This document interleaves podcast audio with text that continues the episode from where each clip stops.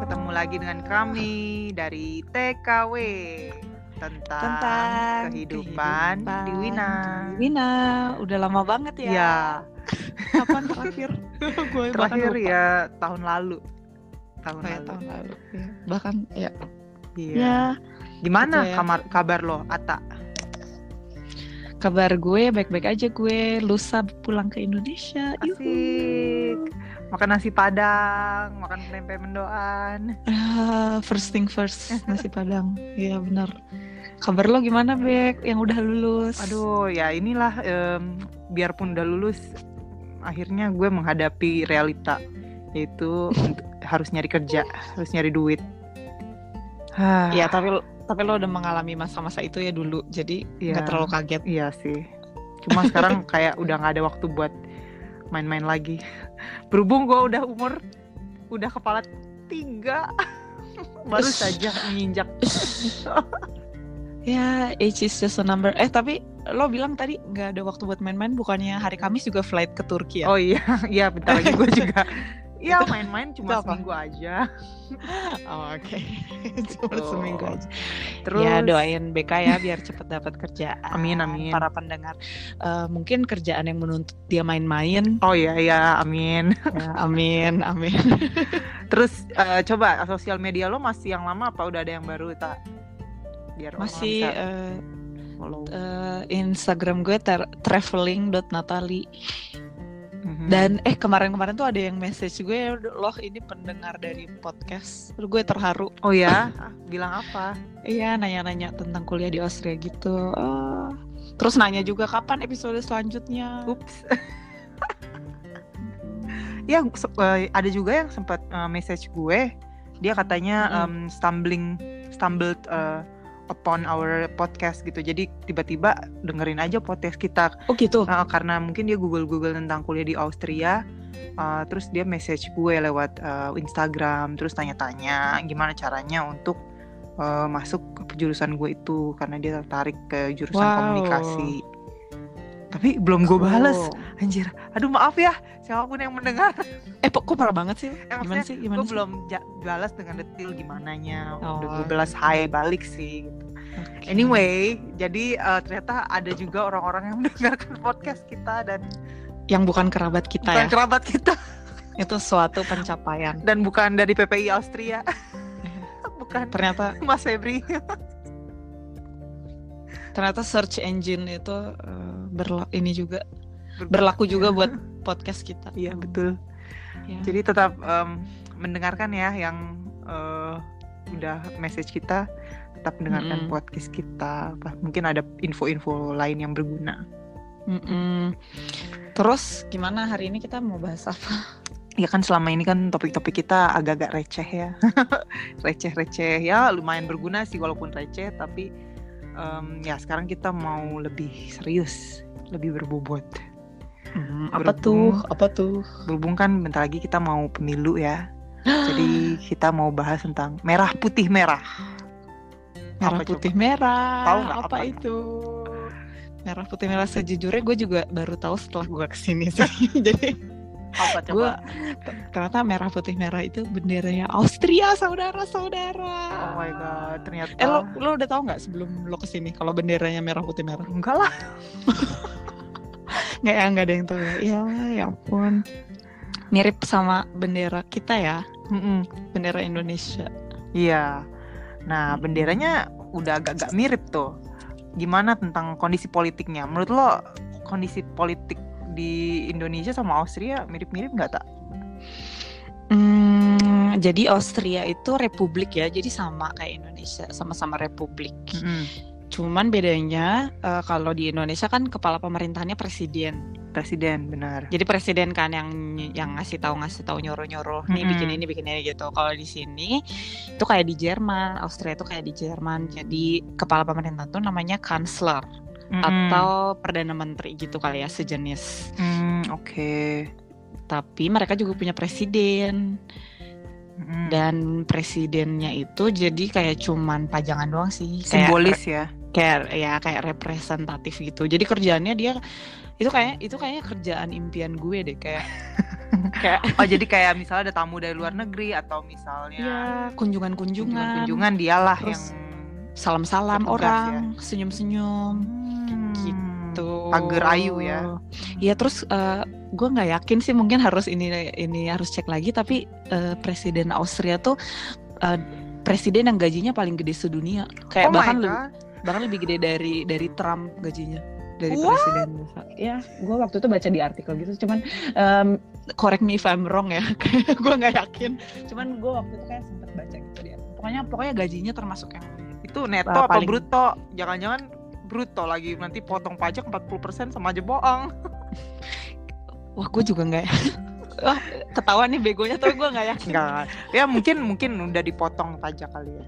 Dipotong Hmm. pajak sih Hmm. harusnya harusnya dipotong pajak dan sebenarnya kan pa- pajak orang-orang juga buat gaji mereka ya kayak nggak Oh, masuk akal iya, sih kalau misalnya kalau misalnya mereka dipotong lagi pajaknya eh gajinya cuman ya pokoknya kerjaannya kerjaan presidennya kayak eh, asik gitu sih Ambasador ya kayak ini ya. kayak ambasador Heeh. Ah, mungkin mereka jangan-jangan nggak punya menteri luar negeri ya. Jadi presidennya itulah merangkap. Oh, enggak kobek ada presiden? menteri luar negerinya juga Oh, ada ada ya. Oh gitu. Enak. Ya kalau menteri Hmm. luar negeri kan ngurusin kebijakan-kebijakan keluar kan jadi Mm-mm. ya gitu Oke deh oke. Jadi kayak presiden itu si wajahnya Austria gitulah ya. Mm-mm. Sekarang presidennya namanya Van der Bellen, udah tua Hmm, gitu, mm-mm. kakek-kakek, kakek-kakek Hmm. gitu. Ya, kalau Terus di- apa lagi mau diceritain? Ini ya bedanya beda ya sama kalau di Indonesia kan presiden yang presiden ya bener-bener dia yang kerja gitu ya. Dan Mm-mm. juga sebagai wajahnya Indonesia juga. Jadi dia double ya mengerjakan hal yang dia sih berat yang- banget sebenarnya Ya, kerjanya berat ya. presiden yang sekaligus kepala pemerintahan juga. Hmm, harusnya dia jadi presiden Austria aja. Siapa pun. Oke. Terus kalau misalnya parpol ada nggak sih di Austria? Kayaknya nggak terlalu banyak ya Parpol partai politik. eh, ada, ada banyak juga kan mereka sistemnya juga demokratis ya, demokrasi. Jadi eh, kayak partai-partai yang baru, partai-partai lama gitu juga ada. Cuman kalau di Austria mereka eh, ini sih partai lama tuh kayak udah udah punya base masing-masing gitu. Oke. Jadi kayak agak susah gitu untuk partai baru dapat masa gitu. Oke. Um, Kayaknya ada warna-warnanya gitu nggak sih? Yang gue inget kayak misalnya partai hijau, terus ada partai pink, ada partai merah. Mm-mm. Itu apa sih tak? Kok lucu ya partainya kayak warna-warni gitu? Eh, iya sebenarnya itu warna ininya sih warna lambangnya gitu. Heeh. Eh, terus kayak orang nyebutnya kadang warnanya aja untuk ngomongin partainya. Jadi kayak eh, kamu milih apa? Milih milih merah gitu, milih hitam. Nah, terus kayak Hmm. orang udah tahu gitu apa aja. Terus kayak partai nama partainya tuh udah kayak men- menyimbolkan eh, ininya arah partainya. Mm-mm. Jadi kayak eh, partai yang udah lama kayak berkuasa kan sosial demokratis ya, sosialis demokratis. Itu merah ya? Eh, Yang itu, Sorry. iya yang itu merah. Benar-benar, benar yang itu merah. Eh, terus kemarin eh gan yang masuk ke pemerintahan ganti kan mereka udah nggak di situ lagi. heeh. Nah kemarin yang menang tuh eh, partai hitam sama partai biru. Oke. Gitu. Yang hitam tuh kayak konservatif, eh eh, Kristen konservatif gitulah. Mm-mm. Terus kalau yang biru itu mm, konservatif banget. Wah, wow. Ini tingkat tinggi nih. Nanti diomongin lebih lanjut lagi ya itu tentang aliran-aliran partai itu. Jadi intinya ada eh, ini ya partai-partai di Austria itu berdasarkan ideologi ya di- dibedakannya ya. Mm-mm, jadi orang udah tahu sih sebenarnya kalau pas milih itu tuh udah tahu ideologinya apa. Jadi nggak ada yang kayak beli kucing dalam karung gitu nggak ada. Hmm, nggak ada yang setengah-setengah gitu ya. Kalau kalau di Indonesia agak susah ya kalau mau lihat eh, ini partainya ininya apa. Hmm, ideologinya kayak nggak terlalu jelas gitu ya. Oh iya, kadang ada yang kayak semacam setengah-setengah gitu. Kayak misal, eh, maaf ya nih yang pendukung-pendukungnya. Weh, sekalian ini ini sebenarnya sebenarnya kampanye terselubung guys. Kampanye Ya. terselubung. iya ya semacam Golkar gitu kan eh, atau PDI hampir mirip mirip sih kayaknya kayak sem- semacam um, fokus utamanya adalah untuk kesejahteraan masyarakat gitu kan lebih ke sosialis ya. Ah iya Jadi, benar benar benar. mm, ininya mm, diferensiasinya belum terlalu eh, tajam ya mungkin. Iya iya benar. Soalnya kalau misalnya di atau sini juga ada gitu. ada di sini juga ada kayak partai Grun, partai yang green. iya Hijau. iya Itu tuh pasti yang ngurusin lingkungan. Hmm, udah-udah pasti ya kalau kalau milih mereka pasti yang isu yang mereka per- perjuangkan di majelis permasyarakatan eh apa di DPR. ya DPR-nya itu juga ya tentang isu-isu lingkungan gitu ya Mm-mm. Jadi tajam gitu loh ini fokusnya kalau di Indonesia kan em, ya kayak misalnya yang k- mau info aja jadi kalau di pemilu 2019 itu em, ada 16 pol- partai politik yang resmi oh gitu. untuk ngikutin Gua- gua pemilu. baru tahu. Ah, Ini oke. juga gue baru baca Wikipedia. Oke. Ya, 16. Mhm. Nah tapi yang kayak tajam itu fokusnya kan kayak semacam ini ya P3 atau PKS. Kalau itu kan udah udah yang ya, lama-lama gitu ya, yang agama. udah Mm-mm. itu mereka menyung- mengusung isu agama. Jadi Kalau zaman dulu kan ada ada itu ya apa? Partai tiga. Damai Sejahtera. oh ya Partai Damai Sejahtera Itu udah nggak ada ya? eh, tahun ini kayak nggak lolos deh kayaknya. Oh gitu. Iya. Oke. Tapi ya udahlah, gue sih Iya sih, gue juga nggak akan milih. nggak akan milih. kayak kayak apa banget sih partai terus nyampur nyampur agama. Iya, agama agama Pak. Eh, ini pemerintah mintanya Cuman cuman partai yang sekarang menang di Austria yang itu sih partai yang eh, agama ya. agama. eh. Wah, ya. ya gimana ya kan Austria 90 eh dia em, kayak 80 persen 90 persen ya eh, Hmm. Katolik ya. Ya walaupun Katolik Katolik kan. Gimana tuh Bek, maksudnya Katolik Katolik? eh tapi kalau misalnya Austria itu sebenarnya kalau dibandingin sama negara-negara Eropa lain emang masuk yang masih konservatif sih di dalam hal agama. Hmm, gitu. Jadi kayak gue juga dengar masih ada kok masih cukup umum orang-orang yang kayak eh, pengen punya anak banyak, yang nggak mau pakai KB, gitu. Itu kan aturan-aturan di gereja Katolik ya, yang kayak gitu. Mm-mm. Jadi itu masih cukup umum di di Austria. Udah gitu pemikiran orang-orangnya juga sebenarnya masih cukup konservatif kalau dibandingin sama Belanda gitu. Wah, udah jauh banget ya. Sini belum ada pernikahan gay ya. Oh, baru baru tahun ini. Oh di gitu. Udah ini. lumayan ya berarti. Ya lumayan sih kalau misalnya dilihat uh, sekarang. Cuman kalau dari sisi orang-orangnya sih sebenarnya masih masih Oh mindsetnya ya yang Mindsetnya. masih eh, Katolik gitu ya. mm, mm, mm, mm, mm, mm, gitu. Cewek sama cowok nggak boleh berdua-duaan. Enggak sih kalau segitunya kayaknya enggak sih. Ya, Oke oke. Cuman Hmm. em, yang kayak gue pernah eh, kayak beberapa tahun yang lalu tuh sempat ada pasangan lesbian yang dikeluarin gitu dari sebuah kafe Wow. sama manajemennya ya. Jadi kalau itu kan kalau di Indonesia biasa ya kayak gitu. Kalau di Mm-mm. Eropa tuh itu nggak biasa yang kayak gitu kayak eh, orang LGBT diusir kayak gitu itu ini banget Iya kayak Sensitif. terbelakang gitu agak terbelakang gitu ya. Iya, iya, iya. Soalnya abis itu mereka juga akhirnya si kafenya di demo gitu sama banyak orang. Wah. Ya, gitu. Menarik. Terus terus eh, kan partai politik ya apalagi ya yang penting dalam pembahasan politik.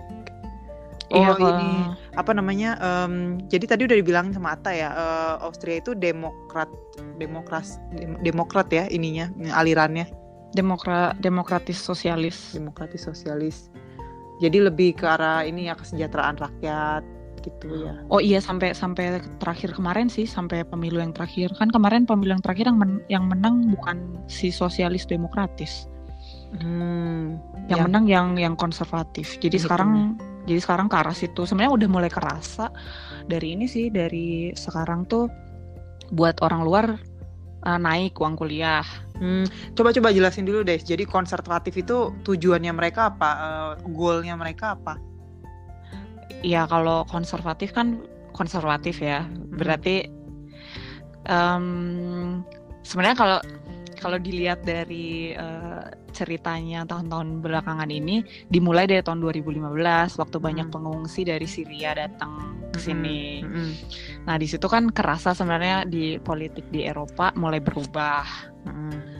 Gitu. Jadi orang-orang orang-orang Jerman, orang-orang Austria yang tadinya nggak nggak terlalu anti orang asing, sekarang jadi anti orang asing karena ya biar gimana juga orang mungkin takut ya kalau lihat orang yang uh, penampilannya berbeda, cara hidupnya berbeda. Hmm. Jadi di situlah mulai populer si partai-partai konservatif ini hmm. yang yang kerjanya sebenarnya cuman me mendemonisasikan kelompok lain. Hmm. Kayak kayak nggak ngasih solusi apa apa tapi kayak cuman ngasih kayak bilang stop refugee, stop uh, orang asing, jadikan negara kita negara kita sendiri yang kayak gitu gitulah. Xenofobik sekali ya. Ya gitu deh. Sebenarnya kalau dilihat lagi sejarah si Partai Biru ini orang-orangnya juga orang-orang yang tadinya dinasti. Jadi oh, jadi itu menjelaskan semua. ya cuman ya gitu dah. Nggak semua sih, cuman petinggi-petingginya punya hubungan yang erat dulunya hmm. sama sama partainya Bapak Kumis hmm. gitu. Hmm. Ya gitu deh. Jadi sekarang mereka menang kan. Jadi sekarang udah mulai kerasa sih apa-apa uh, cukup dipersulit ya untuk orang asing. Kayak mulai dari uang kuliah yang naik, terus um, ini juga kayak untuk masuk universitas jadinya harus levelnya ya levelnya ditinggiin level ya. bahasanya ditinggiin udah gitu harus ikut kayak for leergang student gitu kayak persiapan masuk uni. Itu tuh tadinya bayarnya kayak cuman tiga ratusan gitu sekarang tuh berapa ribu gitu loh kayak What? tujuh ribu. Mm -mm. itu Apa buat persiapan kayak... masuk uni. Kayak kalau di Jerman kan ada juga ya yang setahun itu. Mm -mm, lupa yang kayak gitu gue lupa namanya apa sih? Abitur bukan ya? Apa sih? Uh, gue lupa sorry. Iya pokoknya ada kalau misalnya anak-anak SMA yang mau kuliah ke Jerman biasanya mereka gitu. iya eh, kayak ya setahun penyetaraan gitu. Hmm. nah uh, jadi sama di Austria juga ada yang semacam itu. Ada dan tadinya bayarnya murah sekarang bayarnya jadi kayak berapa ribu gitu loh. Wah. Mm -hmm, mm -hmm. Ya, tapi itu untuk orang asing aja untuk uh, orang Austria atau EU itu nggak ada bay bayaran ini atau hmm, sama? untuk orang Austria dan untuk orang Uni Eropa masih gratis sih sampai sekarang ya gitu. Jadi ya udah deh ayo ayo kita cari suami orang EU atau Austria tetap ya ujungnya ayo bahkan untuk kalau punya suami orang sini pun oh, nggak nggak segampang dulu lagi. Karena dulu kan dulu kan misalnya kayak udah nikah ya udah langsung dapat visa langsung misalnya berapa 10 tahun atau langsung seumur hidup gua nggak tahu sih iya kalau sekarang kayaknya cuma eh, tiga uh, tahun dulu ya tiga tahun atau dua tahun deh pokoknya hmm. nggak hmm. nyampe lima tahun bahkan ya udah gitu ada tes tes bahasanya juga naik naik naik terus sekarang wow gitu jadi itu itu gue dipelajarin di kuliah gue juga itu namanya politik bahasa kayak bahasa dipakai untuk sebagai alat politik itu kan itu kan sebenarnya tujuannya cuma bikin biar bikin orang susah aja kan ya boleh bisa juga sih walaupun kan kalau misalnya emang um, ada orang mau menikah ya um, misalnya dia mau tinggal di Austria atau Jerman ya mau nggak mau memang harus belajar bahasa sih um, ada logikanya juga sih cuma ya, ya mungkin ya. nggak ya, ya. harus kayak B1 gitu kan kayak berat banget mm-hmm, mau nikah mm-hmm. dong kan masalahnya iya, kan dia kan tinggal di sini untuk uh, waktu, waktu lama, yang lama. hmm. jadi bisa belajar juga gitu. Jadi nggak hmm. kenapa harus B1 gitu kan uh, untuk ting uh, awal-awal tingkatnya. Hmm. iya. Misalnya gue nggak tahu sih level yang diharuskan berapa. Uh, ya tergantung berapa lamanya sih setahu gue. Hmm, oke. Okay. ya ya ya. Ya gitu. Hmm, menarik ya terus ya. gara-gara ya. gara-gara sekarang uh, suasananya kayak gitu mm-hmm. jadi gue juga udah uh, pengalaman baru baru banget uh, beberapa hari yang lalu pas hmm. gue pas gue gawe di luar itu ada kakek-kakek yang nyamperin gue terus bilang dia orang apa nih kakek-kakek ini terlihat seperti orang apa ya orang Austria sih Oke. maksudnya eh, orang berkulit putih Oke. terus ya terus dia ngomong pakai dialek yang yang eh, kental banget Mm-mm. terus gue ya gue lumayan ngerti kan karena ya gue udah lumayan ngerti lah dialek terus dia kayak kayak eh, marah-marah gitu bilang eh lo dari mana lo ngapain di sini kayak gitu Ini ngomong ke lu nih. Iya ngomong ke gue, ngomong ke gue depan ampun. muka gue. Terus gue kayak gue kayak shock. Terus gue tahu orang kayak gitu jangan diladenin. Jadi eh, gue langsung bilang eh gue lagi kerja lu pergi aja. Gue bilang kayak gitu dengan sopan ya kayak eh, Mhm. pakai pakai z bukan pakai du. Udah gitu udah gitu dia tetap tetap anteng di situ ngomel-ngomel. Terus Waduh. terus dia bilang ngapain lo di sini? Kayak kayak intinya kayak gitu. Terus terus terus eh, dia bilang kayak gini "Eh, lo kerja ngapain pakai shawl tebel-tebel? Lo mata-mata ya? Gitu. Hah? Aneh banget. terus gue pengen antara kesel sama pengen ketawa. Mata-mata. Muka gue muka-muka orang Rusia emang. Udah gitu udah gitu yang paling bikin gue um, merasa emang gila sih ini Austria konservatif banget loh. Orang-orang tuh kayak cuman ngeliatin nggak ada yang nggak ada yang kayak Bantuin gitu. bantuin apa atau kayak ngelerai atau kayak gimana gitu terus akhirnya ada sekelompok cewek-cewek kayak teenager gitu dan gue tahu mereka mereka lahir di sini tapi mereka bukan orang sini M- mungkin orang tuanya orang orang tuanya eh, pindah ke sini gitu ya maksudnya Mm, mm, mm. eh, punya latar belakang eh, imigran Iya, iya. tapi mereka lahir di sini karena bahasa Jermannya bagus terus mereka nyamperin gue terus nyamperin kita terus mereka ngomong sama si kakek-kakek itu eh eh eh, lu pergi deh tinggal eh, lasi in Ruhe gimana sih kalau bahasa Indonesianya kayak Iya, iya. Ya, Eh, ya bi- tinggalin live- dia gitu. Uh, eh, leave, leave, leave her her- alone gitu ya. leave her alone eh, kayak mereka berempat gitu terus mereka kayak bantuin gue gitu terus ya nggak tahu sih gue di situ kayak di satu sisi gue kayak eh shock tapi di sisi lain gue lihat nih yang yang yang ngebantuin tuh ujung-ujungnya orang asing gitu kayak ya Mm-mm. mungkin mungkin mereka secara paspor orang Austria ya tapi eh, mereka lahir apa darahnya bukan darah eh, Austria gitu jadi Mm-mm. ya shock sih gue tapi itu gue baru kena sekali ya gue udah denger banyak banget temen-temen uh, kolega gue apalagi yang pakai kerudung Mm-mm. itu udah kata mereka itu udah makanan sehari-hari kita di jalan gituin mbak yang gue nggak ngerti itu kayak itu di Vienna ya kota besar yang yang banyak orang asing internasional gitu. internasional gitu kayak kok lu masih bisa kayak homofobik gitu sih Homofobik, eh, xenofobik. xenophobic ya oh homofobik tuh cuman cuman against LGBT ya Iya. oh gitu Duh banyak ya istilahnya kalau xenophobic tuh uh, against uh, religion atau Eh, against xenofobik itu om, terhadap orang luar, foreigner, takut. ah oke orang yang terlihat berbeda Iya benar. oke Iya waktu itu juga gue waktu itu sempat kerja sama uh, kolega gue yang pakai kerudung. Jadi Hmm. dia uh, orang orang tuanya orang Turki. Mm-mm. Orang Turki, Turki padahal kelihatan kayak orang-orang sini ya. Mukanya kan nggak agak Caucasian gitu ya. Iya sih, tapi tapi dia pakai jilbab sih. Ah oke. Hmm. Terus di dia lebih lebih parah sih maksud ya sama sih parahnya, cuman si orang ini kayak uh, datang terus Mm-mm. terus uh, teriak gitu. Em, em, ini gue mengutip ya, ini bukan gue yang bilang. Mengutip. Ntar gue kena ini lagi pasal penistaan agama.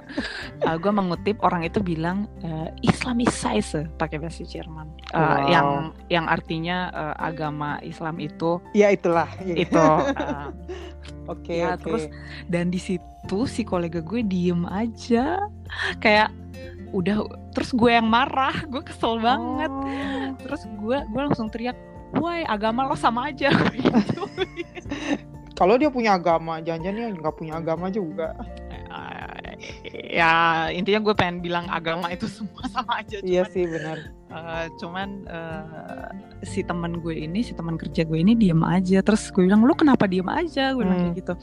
Ya ya udah gue mau ngapain? Dia bilang kayak gitu. Uh, gue udah udah ini tuh bukan sekali dua kali gue udah sering diiniin. Dia bilang kayak gitu. Dan Hmm. dan gue gua jawab juga buat apa? Dia bilang kayak gitu. Terus gue di situ di satu sisi gue bilang ya bener sih dijawab juga buat apa? Tapi di sisi lain gue bilang "Lu- kalau lu nggak nunjukin lu keberatan dan itu orang nggak tahu kalau lu kalau lu punya lu punya power gue bilang kayak- Iya sih benar-benar. kayak Tapi mungkin juga nggak harus dengan kayak misalnya ya eh, dia menunjukkan power mungkin kayak dengan berdemo atau dengan eh, eh, apa ya nulis atau apa gitu mungkin juga bisa Hmm. sih. ya orang-orang kayak gitu kan biasanya nggak baca ya Hmm, iya cuman sih.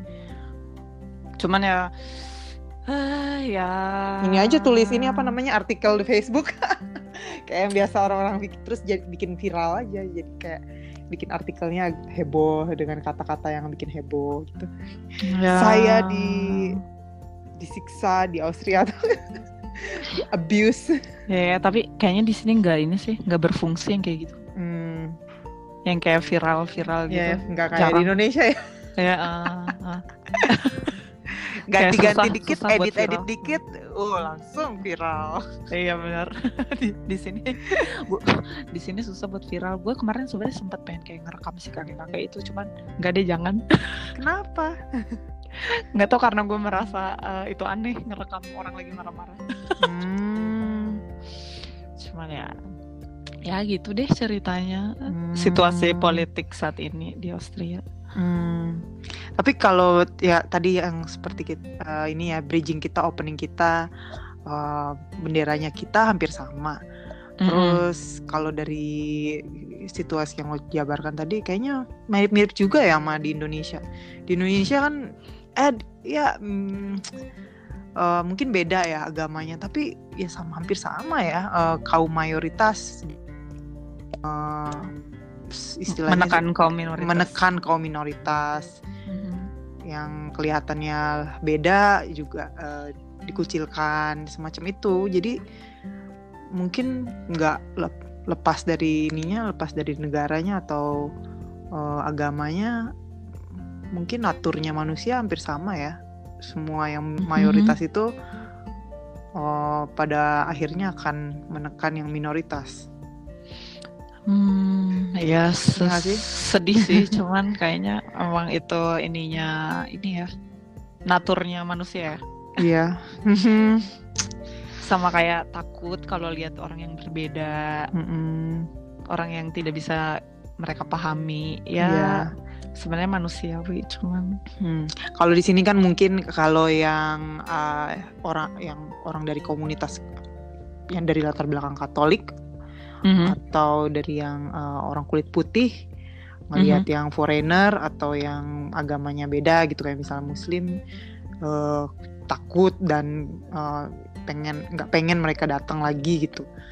Ya sama Mm-mm. juga di Indonesia kan yang uh, mohon maaf nih kalau ada ada teman yang Muslim uh, teman uh, kalau ada orang Muslim takut uh, ngelihat orang-orang Kristen atau uh, ya yang um, sukunya berbeda. Mhm. Hmm, Walaupun Indonesia kan dari dulu udah ini ya sebenarnya udah jamak. Jadi mm-mm. em, sebenarnya gue bingung sih kenapa sekarang jadi kayak gini. Cuman Jadi makin ya. waktu itu sih gue ngobrol-ngobrol sama teman gue eh, kayak perkiraan kita sebenarnya ini karena sosial media sebenarnya. Kayak Hmm. karena manas-manasin orang tuh gampang lewat sosial media. Hmm, iya benar juga sih.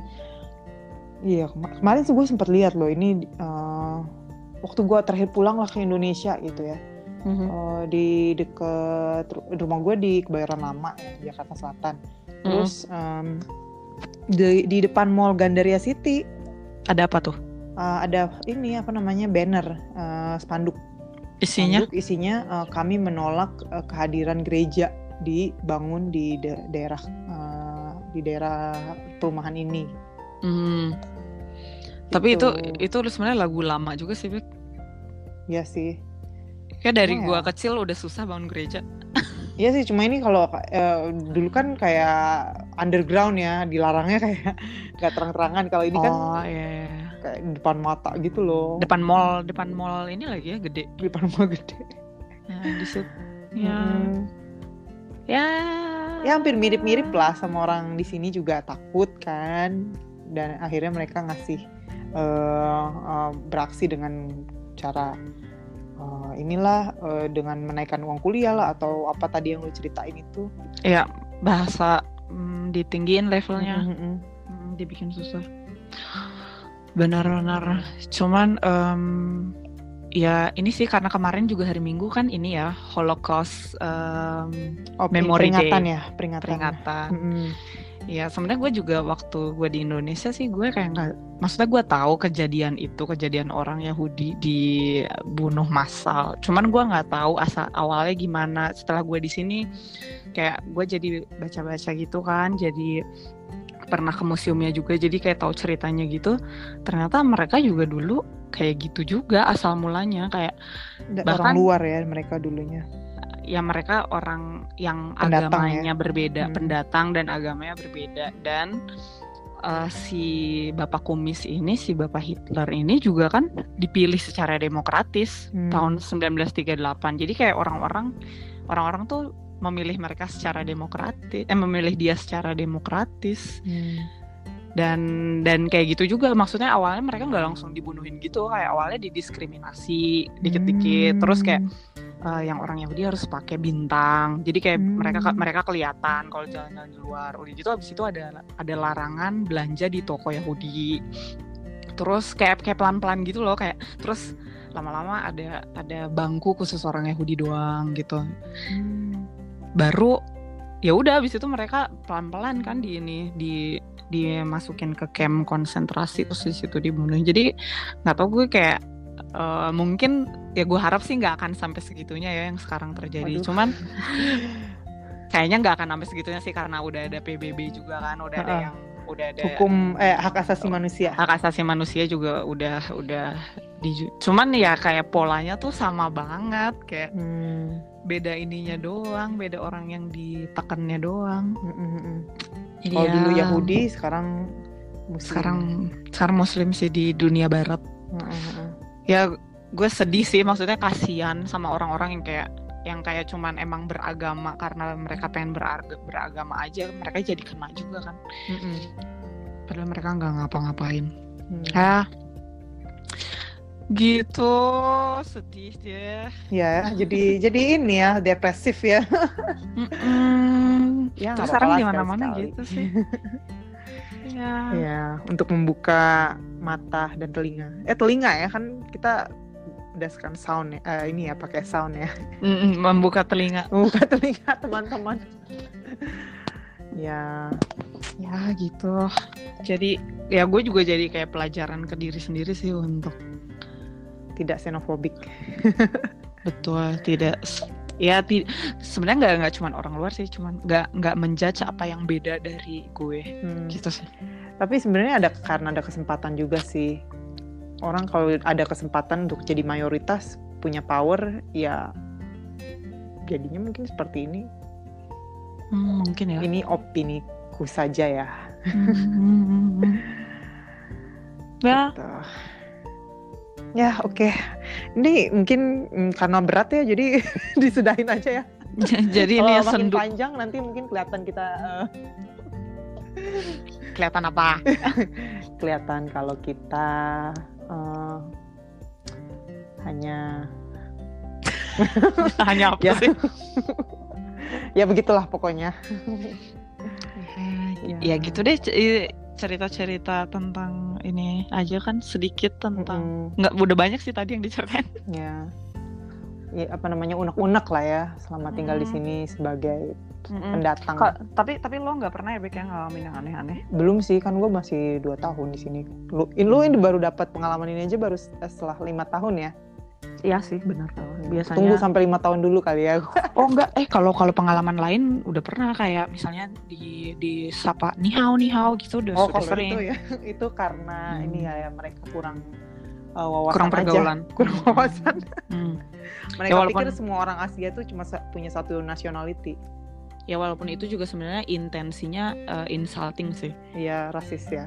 Ya maksudnya bukan nihau karena pengen nyapa, tapi karena Oh lo Karena- sipit gitu. Berarti lo orang Cina. ya udah gitu, ya gitu deh kayak kad- pernah gue lagi ngobrol pakai bahasa Indonesia sama temen gue terus uh, ada orang yang kayak niru-niru niru-niru tapi nirunya salah gitu kayak Hmm. cincau cincau cincau Iya iya gitu. iya yang ngerti-ngerti. Mm, Ah.